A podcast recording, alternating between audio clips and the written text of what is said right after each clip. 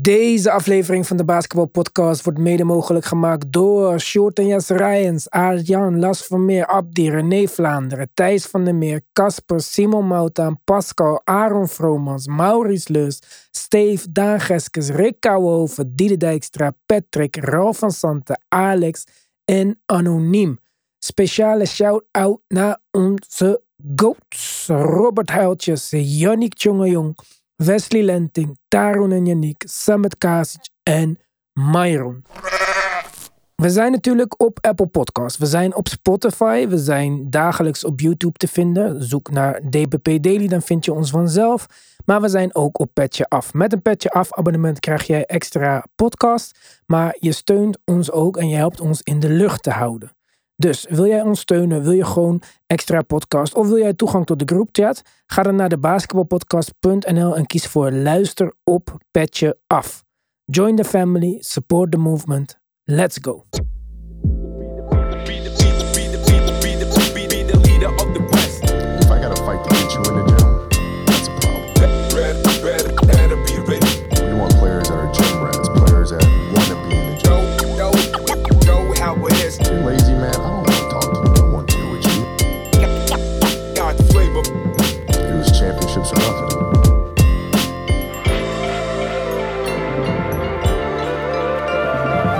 Ja, Tim, daar zijn we. We hebben het twee dagen overleefd zonder emergency podcast. Dat eh, zit mee. Tenminste, mee. Het ligt eraan hoe je het bekijkt natuurlijk. Want het was ook leuk om te doen. Het begint eindelijk weer een beetje echt eh, basketbalnieuws eh, op te poppen hier en daar. Ja. Dame is een bak. Drew is een Celtic. In de DBP Daily van gisteren heb ik iets interessants, tenminste naar mijn mening interessants, in de lucht gegooid. Wat denk jij van dit effect? Denk jij dat als de Bucks hadden geweten dat Drew uiteindelijk bij de Celtics zouden belanden? Dus het, het was misschien al moeilijk om afscheid te nemen van Drew, maar als ze ook nog hadden geweten dat hij hun grootste concurrent zou gaan versterken, hadden ze deze trade dan alsnog gemaakt? Ik ben ervan overtuigd dat ze er nog wel een nachtje extra over geslapen hadden, ja. Want eh, dat, dat, dat zouden ze niet zomaar doen. Aan de andere kant denk ik dat het- de appeal die Dame heeft voor een eh, relatief small market team, dat Milwaukee toch uiteindelijk gewoon is, ja, te groot is om te zeggen, ja, dat, dat, dat gaan we om deze reden dan maar niet doen. Eh, ik, je zou kunnen zeggen dat de upgrade op aanvallend vlak groter is dan het verlies aan defensieve kwaliteit van de hele ploeg. Als je kijkt naar wat Drew achterlaat en wat Dame breng- brengt. Ehm, dus misschien is dat ja, een niet te missen kans geweest die ze in Milwaukee gewoon niet wilden laten liggen. Oké. Ik zei in die eh, daily. eh Drew heeft de beste plus-minus. Of tenminste, Dame heeft de slechtste plus-minus tegen Drew. Als het op de playoffs aankomt. In de regular season, of over alle wedstrijden genomen, is Derek White de leider, zijn teamgenoot. Dus dat is een Ja. uitstekend backcourt om eh, tegenover Dame te zetten. Zou jij kunnen raden wie de tweede speler naar Derek White is, tegen wie Dame dus het tweede slechtste box plus minus ding heeft in de NBA. De tweede beste speler om tegen Dame op te stellen. Laten we het zo zeggen. Ja, en voor de duidelijkheid, dat is niet Drew. Dat is niet Drew. Drew is maar 0,8. Derek White is min 3. Oké.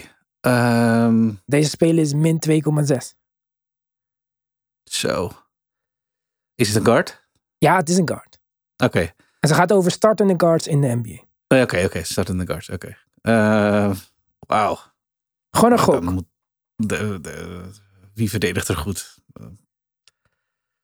Het is niet Ben Simmons, het is niet Mikael Bridges. Beide zijn plus. Of is bij beide, tegen beide is Dame plus. Ja, oké. Nee, ik heb geen idee. Vertel. Het is Jante Murray.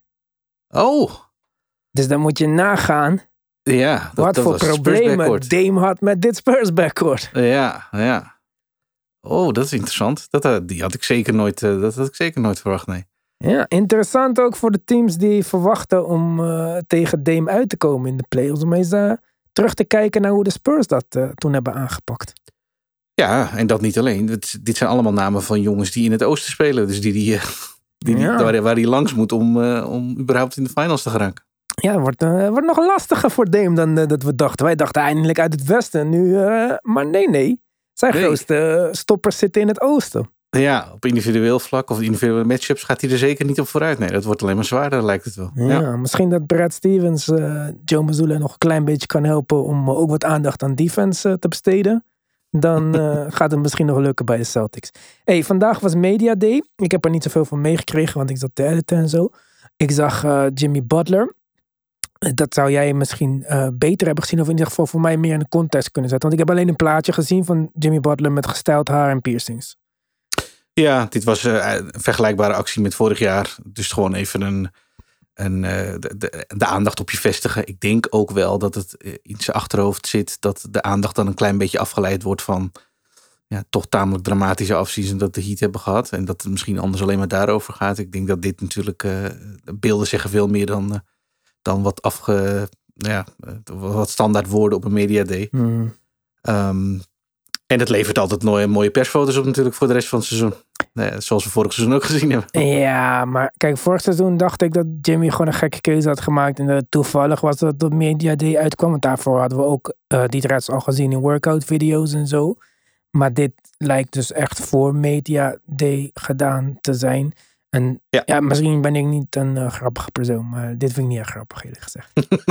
ja, nee, dit is een beetje overdreven. Dit heeft niks... eh, Het is, eh, was aardig in scène gezet. Ja, op zijn op zijn Instagram heeft hij, eh, nou ja, deelt hij nog wel eens eh, heel wat momenten van een dag achter elkaar. En daarin zag je inderdaad dat hij, voordat hij naar Media Day ging, eh, dat, dat zijn haar gedaan werd. En eh, de manier waarop hij bewoog en deed eh, rondom Media Day suggereerde ook wel dat eh, alles tot in de perfectie op zijn plek moest blijven zitten, zeg maar. Bewoog heel onnatuurlijk. hmm. Dus het was echt een, eh, ja, het was echt even een toneelstukje voor Media Day. Nou ja, daarna verder weer eh, gewoon door lijkt me. Maar ik, ik, ik kan me niet onttrekken aan het vermoeden dat het ook een klein beetje is om ehm, ja, misschien de, de lucht een beetje te clearen die anders misschien wel heel negatief zou zijn rondom de heat. Want terecht. ja, ik denk terecht. En ehm, de media, de lokale media in Miami hebben zich ook niet van de beste kant laten zien. Want die hebben eigenlijk weken, zo niet maandenlang eh, geopereerd in het idee. En dat ook geschreven en uitge, eh, hoe noem je dat, eh, getoond. Van oké jongens, praat maar over Dame wat je wil. Hij komt toch wel naar Miami. We wachten wel even af. En dit is wat er vervolgens gebeurde. En daar zijn ze vervolgens ook heel zuur over geweest. Dus ja, ik denk dat dat zich ook wel naar Media Day had vertaald. Waar het niet dat nu Jimmy ja, het even wat luchtiger aanpakt allemaal, denk ik. Oké. Wat eh, is er voor de rest een beetje gebeurd? Heb je iets... eh, Eh, nou ja, ik zal de belangrijkste zaken eruit pakken, want er is een hele hoop gebeurd. Het gebeurt allemaal tegelijk ook, dat helpt ook niet echt. Maar James Harden Wat? Is er niet? was er, hij was er niet, Oké. dus daar begint het al mee. Nou, dat, ik denk dat we niet, allebei niet heel erg geschokt zijn dat dat gebeurd is. Maar wordt hij niet onderzocht of zo? Volgens mij Nee. gaat er een onderzoek komen of zo. Zoiets had ik gelezen. Nee, hij werd gewoon verwacht. Sterker nog, hij, hij wordt waarschijnlijk, eh, hij krijgt een, een boete voor het eh, niet verschijnen. Deze man eh, kan zichzelf echt zo uit de NBA gooien als hij zo doorgaat. Het begint er wel steeds meer op te lijken dat hij, dat hij speelt met vuur. Hè? Ja. Ik weet niet Als- of hij nog die cloud heeft om dit soort dingen te doen, zeg maar. En dan nog een nieuwe kans te krijgen. Dit is al derde nieuwe kans. Ja, ja. En, en de vraag is inderdaad, wie zit, er, wie zit er op hem te wachten? En waarschijnlijk eh, zal het een soort van contending team moeten zijn. Eh, en, en dat wordt steeds meer de vraag. Eh, net zoals we uiteindelijk ook eh, de markt van Tyler Hero niet zo groot bleek als dat we in eerste instantie misschien wel aannamen. Geldt dat voor James Harden nu om andere redenen ook? Ja, en dan is dit soort gedrag, wat gaat het je brengen? Het brengt je nergens. Hmm. Dus Oké. eh, Voor de Moeilijk rest, verhaal. Voor de rest, eh, nou, wat ik heel opvallend vond was de gang van zaken. laat ik even eh, tussendoor trouwens noemen dat Kyle Lowry wel op Media Day was, maar niet sprak met de media. Ook heel bijzonder. Daar waren de, de lokale members ook niet heel erg van gecharmeerd. Ontweek dus een boete, maar was verder niet beschikbaar voor, eh, voor commentaar. Heel raar. Hij gaat waarschijnlijk grote minuten krijgen op dit team, lijkt me, komend seizoen. Want ze hebben hem harder nodig dan voorheen. Maar goed, dat los daarvan. In Toronto eh, was er ook wel een bijzondere media day. Omdat de Masai aangaf eh, dat hij Pascal nooit een aanbod heeft gedaan. Tot verlenging. En dat was nog wel, dat leidde nog wel tot wat vragen. Eh, en daarvoor gaf hij als reden. we speelden niet op de juiste manier vorig jaar. Het was allemaal erg selfish. En ik wil eerst zien dat er op de juiste manier wordt gespeeld. voordat ik ga praten over verlenging met Pascal. Zo. Ja, dat, en dat ik wist ook niet wat ik las. Uh, maar ik heb inmiddels ook de clips gezien. Hij heeft het, hij heeft het echt gezegd. Pascal heeft later, uh, want die was natuurlijk net zo goed beschikbaar, verder ontkend dat hij een heel selfish speler is. Hij zegt, dat ben ik nooit geweest. Dat is, dat is niet wie ik ben. Dat is ook niet mijn perceptie van hem. Nee, ook niet per se. Maar er kwam wel een, een, een, een sfeer van. Nou, vorig jaar werd er over het algemeen selfish gespeeld. Het team opereerde niet als team. Dit jaar gaan we dat anders doen. Er wordt, maar zij sprak over een andere cultuur neerzetten. Nou, dat is met de coach natuurlijk al de eerste stap geweest. Maar belangrijkste conclusie lijkt me met OG, die wel aangaf heel graag te willen blijven. En Pascal, die. OG zelf Pascal, zei dat. Ja, ja. dat is ook de eerste keer dat we dat hebben gehoord. Ja, hè? ja. Of misschien is hij blij dat uh, Pascal weggaat. Denk hij uit. Precies, want dat is de volgende conclusie. Je kan ervan uitgaan, dat, ik weet niet in hoeverre dit uh, nou ja, de sfeer een beetje weergeeft, maar echt positief vind ik het niet. Uh, en dit is toch een al-NBA-speler die uh, Supermax najaagt. En ik denk wat Masai een beetje doet hier, maar je moet maar zeggen of jij dat anders ziet. Is een beetje voorkomen dat Pascal natuurlijk het komende seizoen gebruikt om al NBA te halen. Want dan is hij Supermax eligible. Eh, maar dan zal hij voornamelijk voor zichzelf en voor de stats spelen. Ja, maar dan kan die hem ook gewoon verlengen. En dan was dat probleem niet gebeurd, toch? Ja. Dus ja. ja. Klopt. Ik weet niet of je iemand kan tegenhouden om voor een Supermax te gaan. Nee, en ik denk ook dat je Pascal niet tegenhoudt om een max te krijgen. Want als het geen Supermax wordt, wordt het een max. Maar die kunnen andere teams hem eventueel ook aanbieden. Um, en dan, Heeft hij nog meer eh, reden om weg te gaan? Ja, dan is, wordt de trend, want dit is natuurlijk niet de eerste keer dat het in Toronto gebeurt. Uh, Kawhi ging uiteindelijk voor niks weg, Vet van Vliet ging uiteindelijk voor niks weg. En um, ja, dan zou Pascal je volgende, laten we zeggen, al-NBA-speler zijn die uh, de deur uitloopt. Omdat ja, er een hele rare gang van zaken plaatsvindt in de laatste zomer voordat hij free agent uh, wordt. Ja, maar waarom treedt hij hem dan niet? Precies, ja. Dat, dat is denk ik wel de grootste vraag die, je, die je zou kunnen afstellen. Ja. Nou. Die je zou kunnen stellen. Ik snap er niks van. Maar goed, volgende. Raar. Ja, um, David Griffin zei over Zion. Dit is eigenlijk de eerste zomer waarin Zion zijn, uh, uh, nou ja, echt, echt goed taking care of his body. Ja, en hij zei twee zomers geleden dat Zion 9% lichaamsvet heeft. En dat, dat, ja, dat, dat hij gewoon een andere bodytype heeft. Dus wat moet ik nou ja. geloven dan? Nou, die gozer die ligt bij de vlees. Dat echt niet Ja, deze man, ik vind het ook echt een overrated GM. Hè? Alleen omdat hij heeft een tijdje bij de tv gezeten. En daarvoor met LeBron. En ja, doordat je dan bij de tv een beetje jezelf omhoog kan praten, lijkt het alsof jij een of andere super GM bent. Dat is net met Bobby Marks, die nu wordt gezien als de cap expert. Hij nooit cap expert geweest. Ja, hij begrijpt gewoon de basics die de meeste mensen bij de tv niet begrijpen. En hetzelfde geldt voor deze fucking David Griffin. Wat heeft hij gedaan in met zijn leven? Hij heeft een team samengesteld wat niet werkt. Nou. Ja, en meermaals aantoonbaar gelogen over ofwel Zion ofwel. Nou ja, met, ik, ach, ik kan me nog herinneren, was het begin van vorig seizoen dat hij zei. Uh, hij, zou, hij zou bij de eerste start, of bij de eerste wedstrijd van, van het seizoen. Zou hij weer beschikbaar Nee, dat was twee seizoenen terug, denk ik. Ja, zou hij, zou hij weer beschikbaar zijn. En vervolgens was hij nog, ja, nog een maand of vier afwezig. Ja, heel bijzonder. Um, uh, Jokic kwam net op tijd binnen. Ja. Uh, ik vond wel veelzeggend. Josh Kroenke, dat is eigenlijk een soort van de president daar, de directeur, uh, op dagelijkse basis. Die heeft aangegeven, want die kwam zelf ook achter de microfoon. We hebben Jokic deze zomer helemaal met rust gelaten. Amper contact gehad, zo niet helemaal niks. Hij zegt, ik heb gisteren, dus dat zal zondag zijn geweest, voor de eerste keer in maanden contact met hem gehad. En we merkten aan hem dat hij, nou, we konden aan hem aflezen hoeveel ja, last die op zijn schouders heeft gehad de afgelopen jaren, noemde hij het.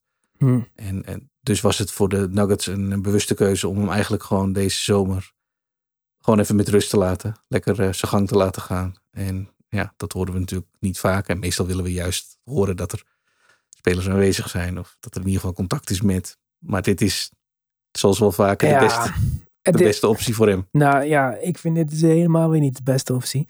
Uh, hij kan zoveel last op zijn schouders hebben gehad als uh, dat hij kan dragen. Maar uh, blijkbaar heeft het gewerkt. ze zijn kampioen geworden. Dus ik zou zeggen, rewind, repeat. En niet laten we het anders proberen. En laten we hem met Spaar spelen deze zomer. Hij moet precies doen wat hij vorige zomer heeft gedaan. Hij heeft ook niet voor Servië gespeeld. Wat moet hij doen dan?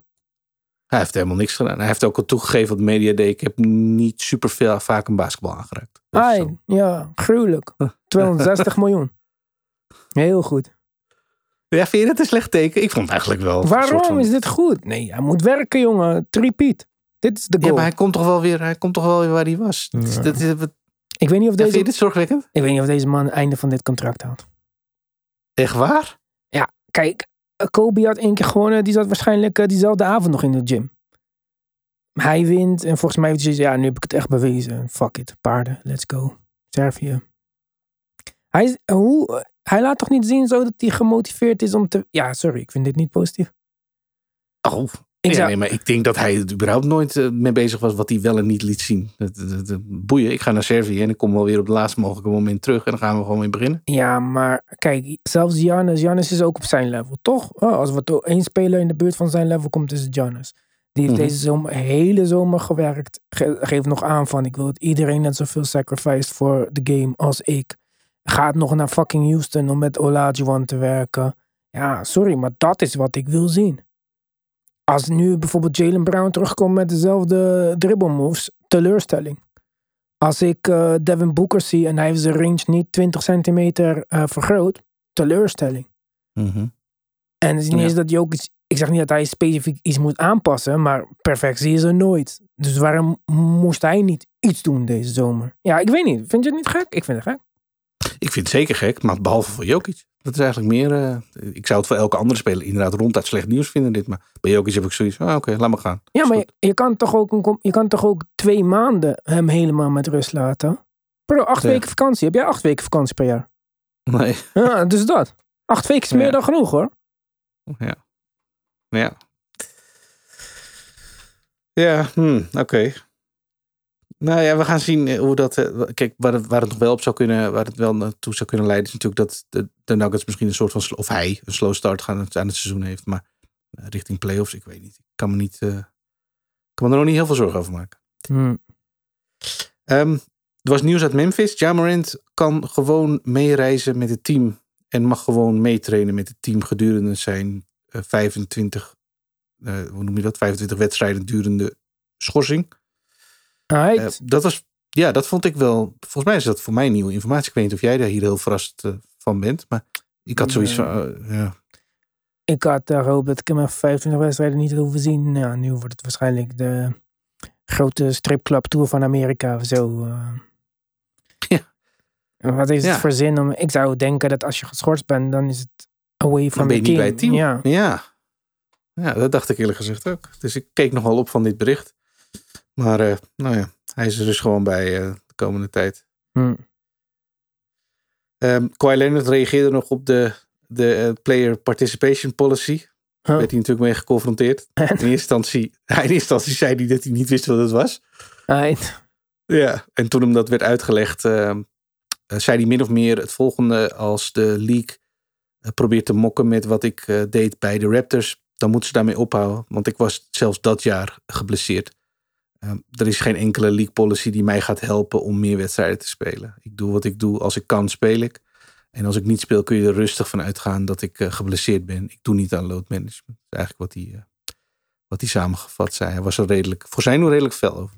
Ik vind Kawhi gruwelijk, hè? maar deze man leeft zo in zijn eigen wereld. Ik weet niet of je die quote hebt gezien, of quote, een verhaal van eh, Paul George in zijn podcast over Kawhi en eh, vrije worpen schieten. Of nee, push-ups of suicide lopen na het missen van een schot. Dat als hij Oh, ja. zei, ja, nu moet je suicide. Kawhi zei, why? This is basketball. I'm gonna make shots. I'm gonna miss shots. Why? Deze man is, zo- hij denkt voor, volgens mij praat hij niet zoveel met andere mensen. Hij leeft gewoon in zijn eigen wereld waar hij zijn eigen logica heeft en zo. En, eh, Ja, ja. Ja, volgens mij is het inderdaad niet de meest eh, sociale teamgenoot. Hoewel het beeld altijd wel van hem naar buiten komt, zeker ook bij de Clippers. Dat, dat in, in ehm, hoe noem je dat? In, in sociale omgang, dat ze hem best, ze vinden hem grappig allemaal. ja, iedereen vindt hem aardig en grappig en Ja. zo. Maar ik denk niet dat dit een speler is die je moet bellen voor, jou, eh, eh, voor jouw zoons of dochters eh, verjaardagsfeestje. Nee.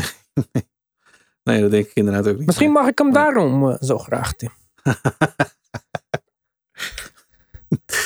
Ja, ja, ja, ja. Het, is, eh, ja, het blijft een bijzonder, bijzonder eh, figuur. Ehm, als laatste had ik nog staan dat John Collins eh, uiteraard bij Utah op het podium kwam en hem werd gevraagd wat hem tot dan toe was opgevallen. En kon natuurlijk niet laten om weer de sneer uit te delen naar Atlanta, blijkbaar. Want wat hij zei is, het, het eerste en het enige wat me hier voornamelijk opvalt, is dat er geen ego's zijn. Het is refreshing Ja. om met een groep spelers te spelen die echt alleen maar denken aan teambasketbal.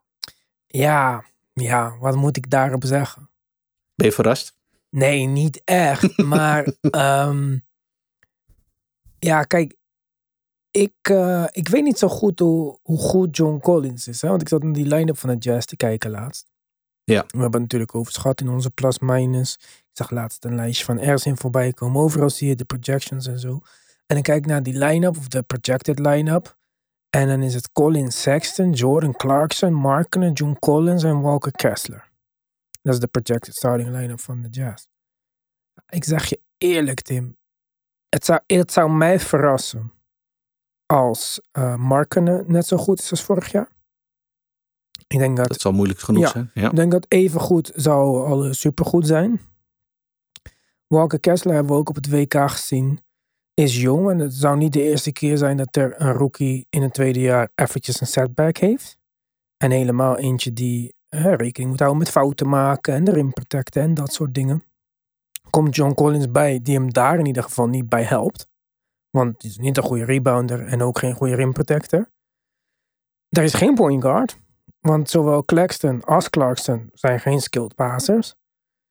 En toen, zat ik eigenlijk, en toen dacht ik van, dit kan wel eens het meest tegenvallende team in de NBA gaan worden dit seizoen. Maar dat probleem, het laatste probleem wat je noemde was vorig jaar ook toch? En toen ging het wel, was het wel leuk. Ja, maar ze hebben in eerste instantie Mike Conley gehad de hele tijd, toch? Ja, maar Conley hebben ze gehad. Ja, fair enough. Dat is wel een groot verschil. Ja. En Hm. ze hadden nog veterans daar. Gay, Olinik speelde veel van de wedstrijden als Ja. starter. Ik, ik denk, Hm, het zou ja. mij niks verbazen. En verbeter mij als ik even een team over het hoofd zie.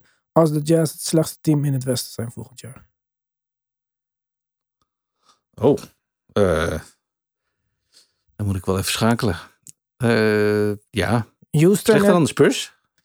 Nou ja, de Spurs on paper make more sense. Als je kijkt naar die Tyus Jones. Welke is het niet? Tyus? Eén Jones. Nee, Trey, Jones. Ja, whatever.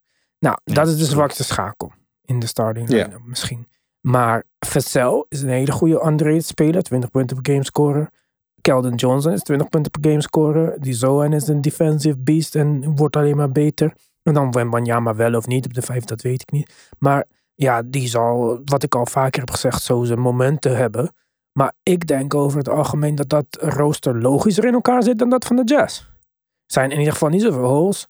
En ze hebben meer diepte. Ik weet niet waarom ze al die veterans hebben gekat. Ik denk dat die Bullocks en zo prima daar eh, van de bank hadden kunnen komen en eh, wat bij kunnen dragen. Dus misschien wordt het niet eh, de bedoeling dat ze gaan winnen. Dat weet ik natuurlijk niet. Maar on paper zou ik hun starting line-up kiezen boven die Jazz starting line-up. Als je Hmm. Marken wegstreept, wat hebben de Jazz dan? Helemaal, helemaal, helemaal niks. Nee, dan valt er wel een groot gat. Ja, Markenen is wel wederom de absolute go-to guy daar. Ja, en er is daar geen Vazel of Keldon Johnson of iemand die zou... Ai, die scoren gewoon steady 20 punten per wedstrijd. Nee, de enige die daarbij in de buurt komt zou Clarkson moeten zijn. Ja, Dat ik mag je vind, aannemen. Ik vind Clarkson niet eh, dat level speler. Nee, nee, nee, maar wel eentje die als hij 18 punten per wedstrijd gemiddeld eh, scoort, sta je er niet van te kijken. Dat moet hij gewoon kunnen. Ja, en, Want veel meer dan dat doet hij niet. Dus, ja maar hij zou dat niet moeten doen. Hij zou 20 minuten van de bank moeten komen bij een team. Ja. En niet dit. Ja, ik weet niet. Ik vind het ook een rare keuze. Ze hebben ook zoveel picks en zo. Ze hadden moves kunnen maken. In ieder geval om een eh, interessante roster te bouwen. Kijk wat Trailblazers hebben gedaan in zo'n korte tijd. Door heel, voor heel veel jonge spelers te treden. Zij hebben nu een eh, overkill aan jonge spelers. Mhm. Ze hebben wel een jonge center gehaald. Ze hebben dit, ze hebben dat, ze hebben dit. Ze gaan misschien nog Grant treden. En de Jazz denken uit. We hebben vorig jaar een paar mensen weggedaan. Dit jaar zijn er een paar. Oké, nou dan houden we het gewoon zoals het is. En wat is je plan dan? Nou ja, voor nu. Zie je hem niet eh, nog een slag slaan in eh, januari? Ja, maar ik had die slag al geslagen als ik hem was. Ja. En misschien hebben ze... Kijk, ze hebben ook niet de pieces, hè. Want bijvoorbeeld de Cavs zitten niet te wachten op picks. En als ik hen was, zou ik zeker achter Garland aangaan. Bijvoorbeeld. Mochten de Cavs Ja. hoop hebben dat ze Mitchell kunnen verlengen. Wat ik ook weer niet denk. Maar, ala. En mijn idee is dat ze voor iemand gaan die nog niet een ster is. Maar wel dat ster level approach. En in ieder geval een ster scorer is op de perimeter. Want dat hebben ze niet. Nee, dat is die guard-rotatie. Ja, TH die komt dan van de bank. En je moet allemaal op dat soort, eh, met dat soort jongens en namen gaan werken. Ja. Zou ik liever die Sexland eh, recyclen en nog een keer proberen. Dat makes more sense met Markenen. Nou trouwens, dat was de hele kerstlijn op. Dat ik kan niet zeggen. Dat, eh, Dat werkte niet, oké. Dan wordt het een hotlijntje met Cleveland inderdaad. Ja, eh. ja, ja, dat werkt ook niet. Daar heb ik gelijk. Dat had ik even vergeten. Maar in ieder geval, ik had iets gedaan. En het hoeft niet een veteran speler te zijn, maar ja, gewoon een jonge speler dan. eh. Kijk, zij hebben Walker Kessler, maar waarom hebben ze niet geïnformeerd naar Eten bijvoorbeeld, als hij zo available was voor zo weinig? Dit is de mode waarin zij moeten zitten, wat mij betreft. Tander en zo zijn verder dan hen. Met Kessler hebben ze toch gewoon een perfecte piece daar op die, op dat, op de, op die positie. Oké, Of is er niks meer te doen? dan hadden ze voor een defensive wing moeten gaan en niet John Collins met Markenen spelen. Ja, ik vind die, die frontcourt is, eh, is wel weer een... eh, ja, bijzonder. Ja. Als ik het dan graag noem. Of ze Ja, hadden voor Chris Paul moeten gaan en zeggen van oké, we gaan niet winnen, maar we willen dat ons team goed basketbal gaat spelen. En dan hebben we een echte floor general. Zetten we naast Sexton met Markenen, John Collins en Kessler en uh, iets. Ja. Maar dit team is niet, dit team lijkt mij echt gebouwd om te tanken. Nee, je zou wel eens gelijk kunnen hebben. hoor. Dat, eh, en volgens mij hebben ze ook een pick situatie die dat een beetje in de hand werkt. Dus ja, dan eh, is de optelsom soms denk, denk ik snel gemaakt. Ja. En dan eh, zullen we Houston en Portland daar gewoon boven zien. Ja, vind ik zonde. Oké, wat was er nog meer op Media Day? Want ik wijk weer eh, Eh, af zoals gewoonlijk. Nee, nee, dat is goed. Het, het laatste wat ik nog wel wilde highlighten, want verder was het veel eh, van het geëikte werk, is dat zowel KD als Boeker hebben aangegeven dat ze eh, eh, zichzelf verwachten, misschien wel al bevestigd zijn, om de Parijs eh, Olympics te gaan spelen. Dus die twee die kun je inmiddels wel inpenselen. En dat, ik wilde dat aan je voorleggen natuurlijk, omdat Ja. daarmee de trend die we al vreesden eh, waarschijnlijk wel ingezet lijkt. En dat is dat alle grote namen weer van stal worden getrokken om eh, op, de, op de Olympische Spelen hun opwachting te maken. En misschien wel helemaal niemand, of één of twee namen van dit WK-team eh, ook op dat rooster terug gaan zien. Ja, kijk, ik zou dat niet doen. Ik zou zeggen wie kan committen voor zes jaar. Dus dat zijn twee Olympics en een World Cup. Of twee Olympics, twee World Cups. En dat kan KD niet, want dan is hij eh, 50. Dus ja, Boeker zou ik wel vragen. Maar ik, ik zou me richten op de jongere sterren. Die, eh, ik zou dit niet een...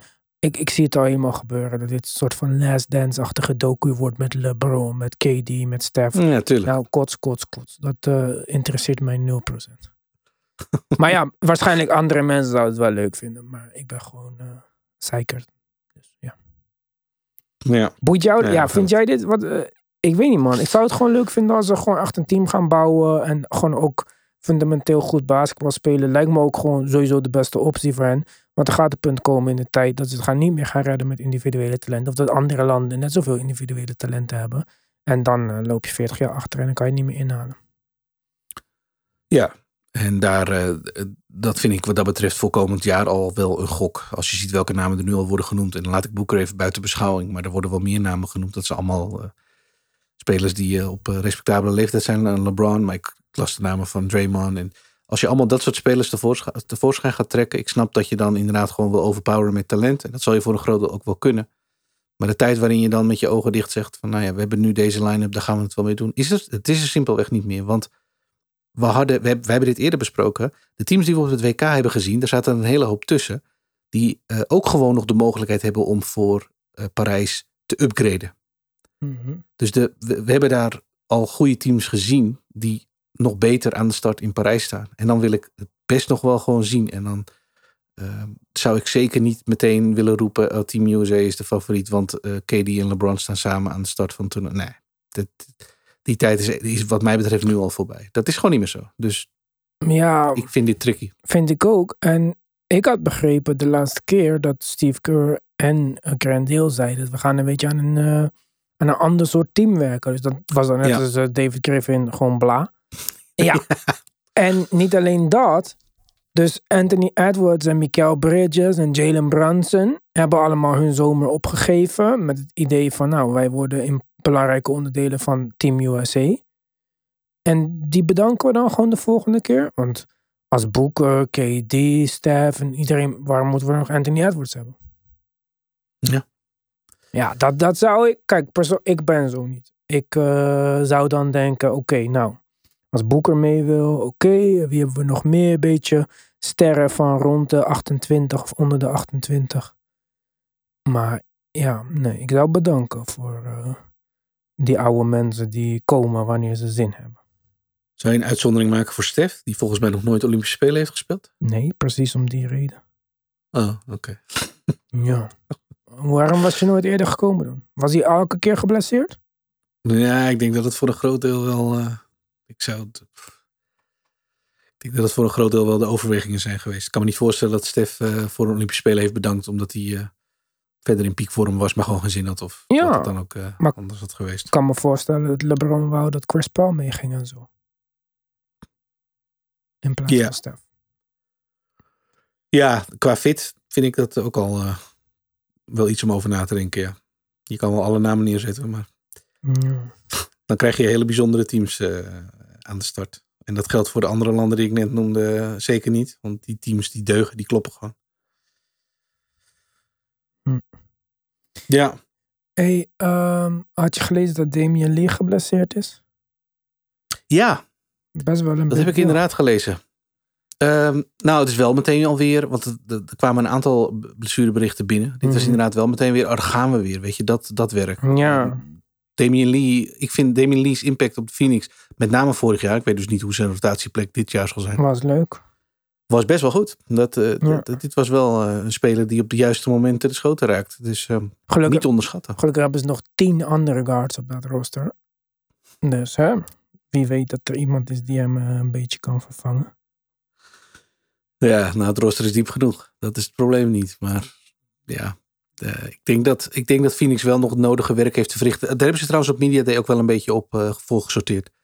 Van het moet nog wel een beetje in elkaar gaan vallen. Ik weet niet of we Phoenix, zal je zien dat ze meteen eh, 20-0 starten. Maar eh, Phoenix, Ja, eh, dat is altijd zo. Ja, Phoenix is eh, op papier niet het team waarvan je moet verwachten dat ze meteen right out of the gates helemaal losgaan. Nee. Ehm, want ze hebben nog wel wat vraagtekens, eh, eh, nou, laten we zeggen, op te lossen. Dat is, da- daar is het wel het team naar. Ja. Ja, denk ik ook. Hey, we hebben nou een paar dagen alles kunnen laten bezinken. hè, Van Drew en van Dame en zo. Eh, ik was vandaag tot de conclusie gekomen dat ik dacht van... hmm, ik weet niet of de Bucks die trade hadden gemaakt. Is er nog iets bij, bij jou opgekomen waarvan je denkt van... Oh, dat, zo zag ik het niet in eerste instantie. Maar nu denk ik wel dat. Ehm, nou, dat ik blijkbaar moet gaan wennen aan het idee dat eh Ethan en Rob Williams daar, dat is misschien van de minst belangrijke deel van het trade, eh, daar toch wel eh, gaan, gaan samenspelen. Dat gaan ze proberen. Zei ik toch? Niemand gelooft mij als ik praat. Hè? Ik weet niet hoe Ja. dat komt. ik zag dat echt niet voor me. Ik zie het overigens nog steeds niet voor me. Ik vind, ik vind als je, dat, als je zo'n line-up op de vloer gooit, dan uh, dat, dat wordt tricky. Dat kun je misschien in Spurs doen, maar ja, ze schieten allebei niet. Dus Ja, maar ja. Iedereen zei van ja, ze gaan Rob Williams alsnog verhandelen. la, la. Toen zag ik de bericht Mhm. van Rob Williams heeft zijn nummer gekozen bij de Portland Trail Blazers. Ik dacht, hey, die Ja. berichten zie je nooit. Als ik heb niet gezien dat Drew Holiday zijn nummer uit had gekozen bij de Blazers. Dus eh maar weet je wie hem wel heeft eh, uitgekozen voor de Blazers? Brogdon, Ja, wat wordt zijn nummer dan? Ja, maar hij gaat spelen. 92. Ja, misschien nog wel eventjes. Ja. Maar ik denk, zo- zodra ze van hem af kunnen, dan gaan ze van, eh, denk- ze van hem af. Ik denk dat ze gaan wachten. Weet je waarom? Omdat ik denk Ja. dat de prijs van Brogdon oploopt. Als Brogdon fit blijft, dat is natuurlijk wel een grote if, maar hij gaat niet veel minuten spelen. Maar als hij fit blijft, dan komen er een aantal teams in januari die denken: hey, wij zijn contenders als. En dan wil je extra betalen voor de missing piece. Maar om het nu te doen voor een, ja, eigenlijk six-man caliber speler, dan denk je, ja, ja, laten we eerst, ja, zal ik het doen? Ja, op zich wil ik wel, maar ja, hier heb je wat. Nee, je wil wachten tot januari, tot teams desperate zijn, tot andere teams zich hebben versterkt. En dan wil jij zo'n Brogdon type speler halen. Ben ik met je eens. Ik denk dat dat gebeurt. En mocht dat zo zich uitspelen als dat jij net eh, aangeeft, dan is dat ronduit slecht nieuws voor Harden. Want in feite zitten die natuurlijk in dezelfde markt. Ja, Als je dan zo... Harden is Niet? wel een grotere difference. Oké, als, als de Clippers zeggen wij willen Harden, dan zeggen ze hey, wij willen een speler die zonder Kawhi en Paul George eh, ons een paar overwinningen kan eh, geven. Dat is Brogdon niet. Nee, maar ik denk dat je Brockton prima kan krijgen. En ik denk dat je Harden niet prima kan krijgen voor een hele hoop meer geld. En Ik denk dat Harden, niemand weet hoe hij er aan toe is fysiek. ik denk dat Harden nog wel eens gekat kan gaan worden. Zo, dat zou wat zijn, hè? Ik denk dat het heel mogelijk is dat er niemand met een echt offer komt voor de, play, voor de trade deadline. En dat ze hem dan gewoon katten om hem niet in de buurt van het team te hebben rond de playoffs.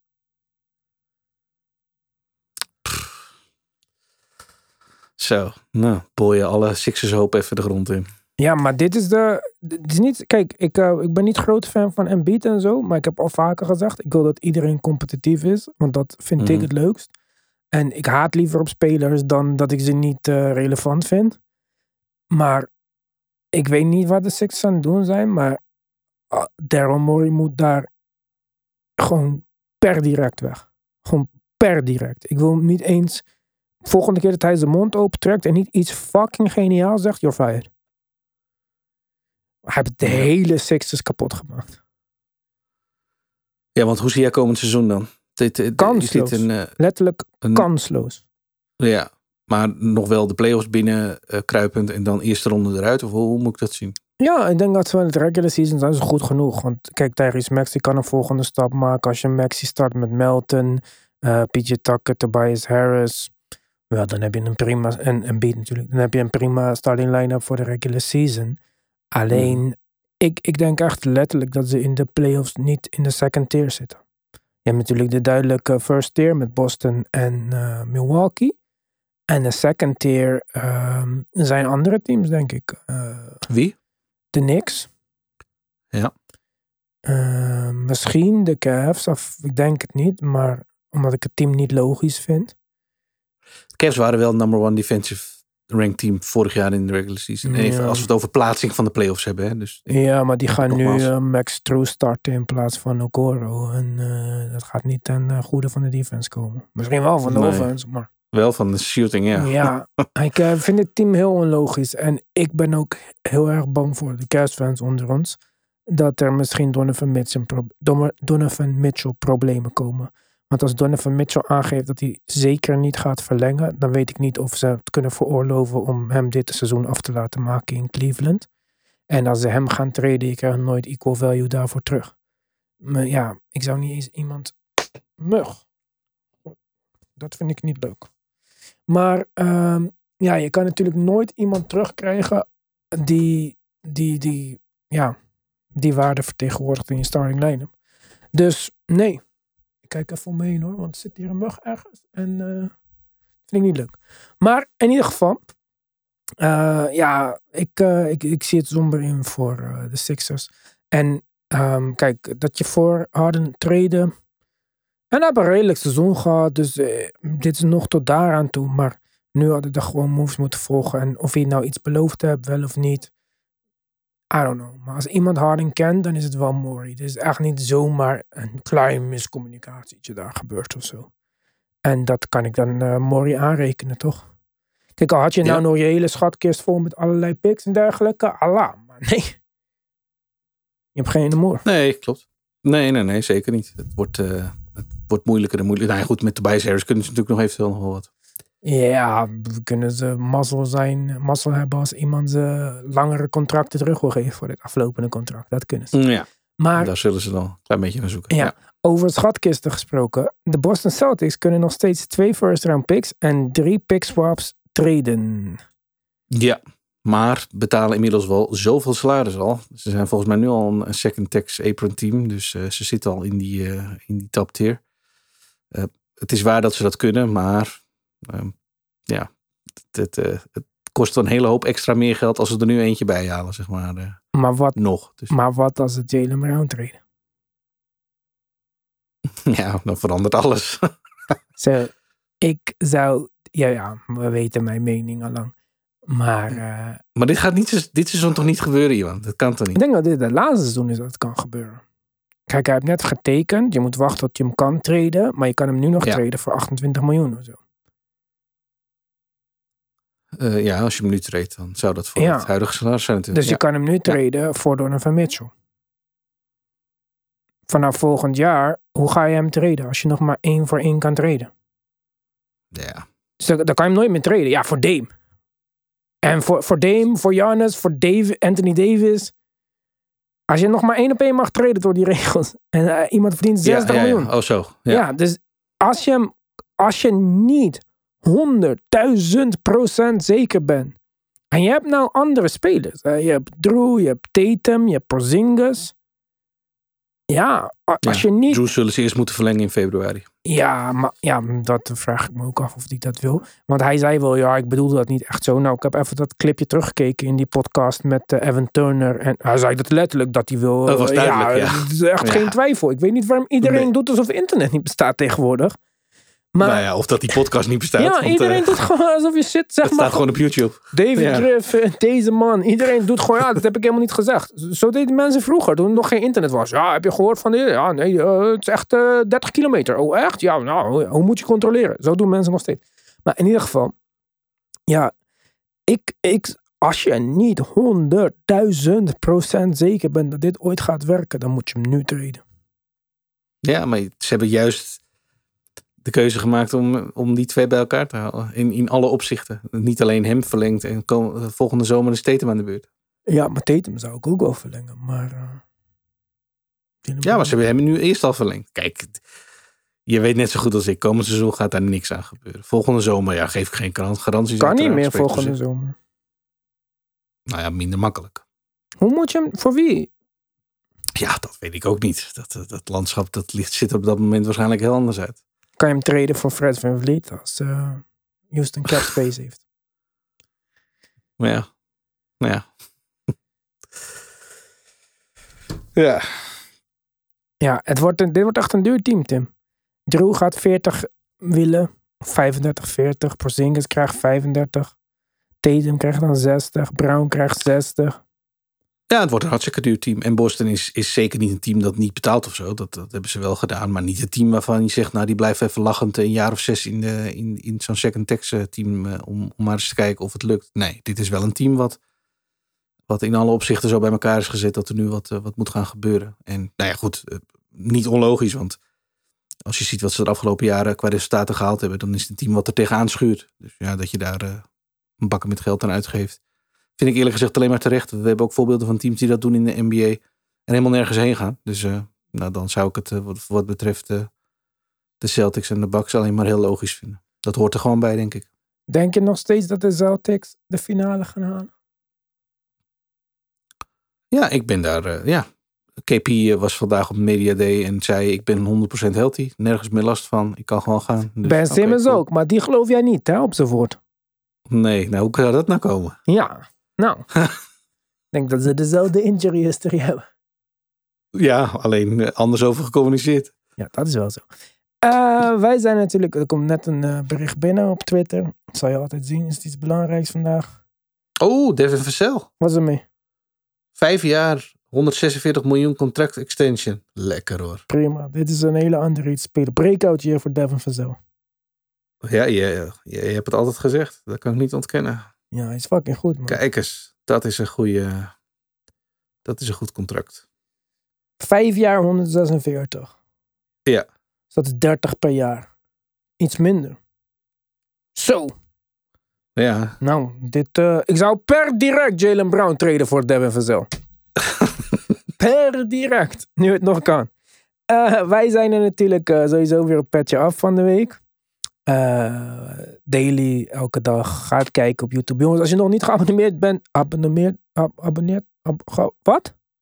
abonneert. abonneerd bent op ons YouTube kanaal, doe dat dan even snel, alsjeblieft. Elke dag als ik dat nummertje niet zie bewegen, dan zakt de moed mij verder in mijn schoenen. En als jullie willen dat ik leuke video's blijf maken, even klikken man. Subscribe, like, eh, klik hem twee keer aan, doe iets. Dankjewel alvast daarvoor. Eh, ga naar Petje Af. Dat kan je vinden door eh, op de basketbalpodcast.nl te klikken op luister op Petje Af. Als je kan, steun of word gewoon lid en ga niet lekker van die extra podcast. Wij zijn er van de week weer. Laters.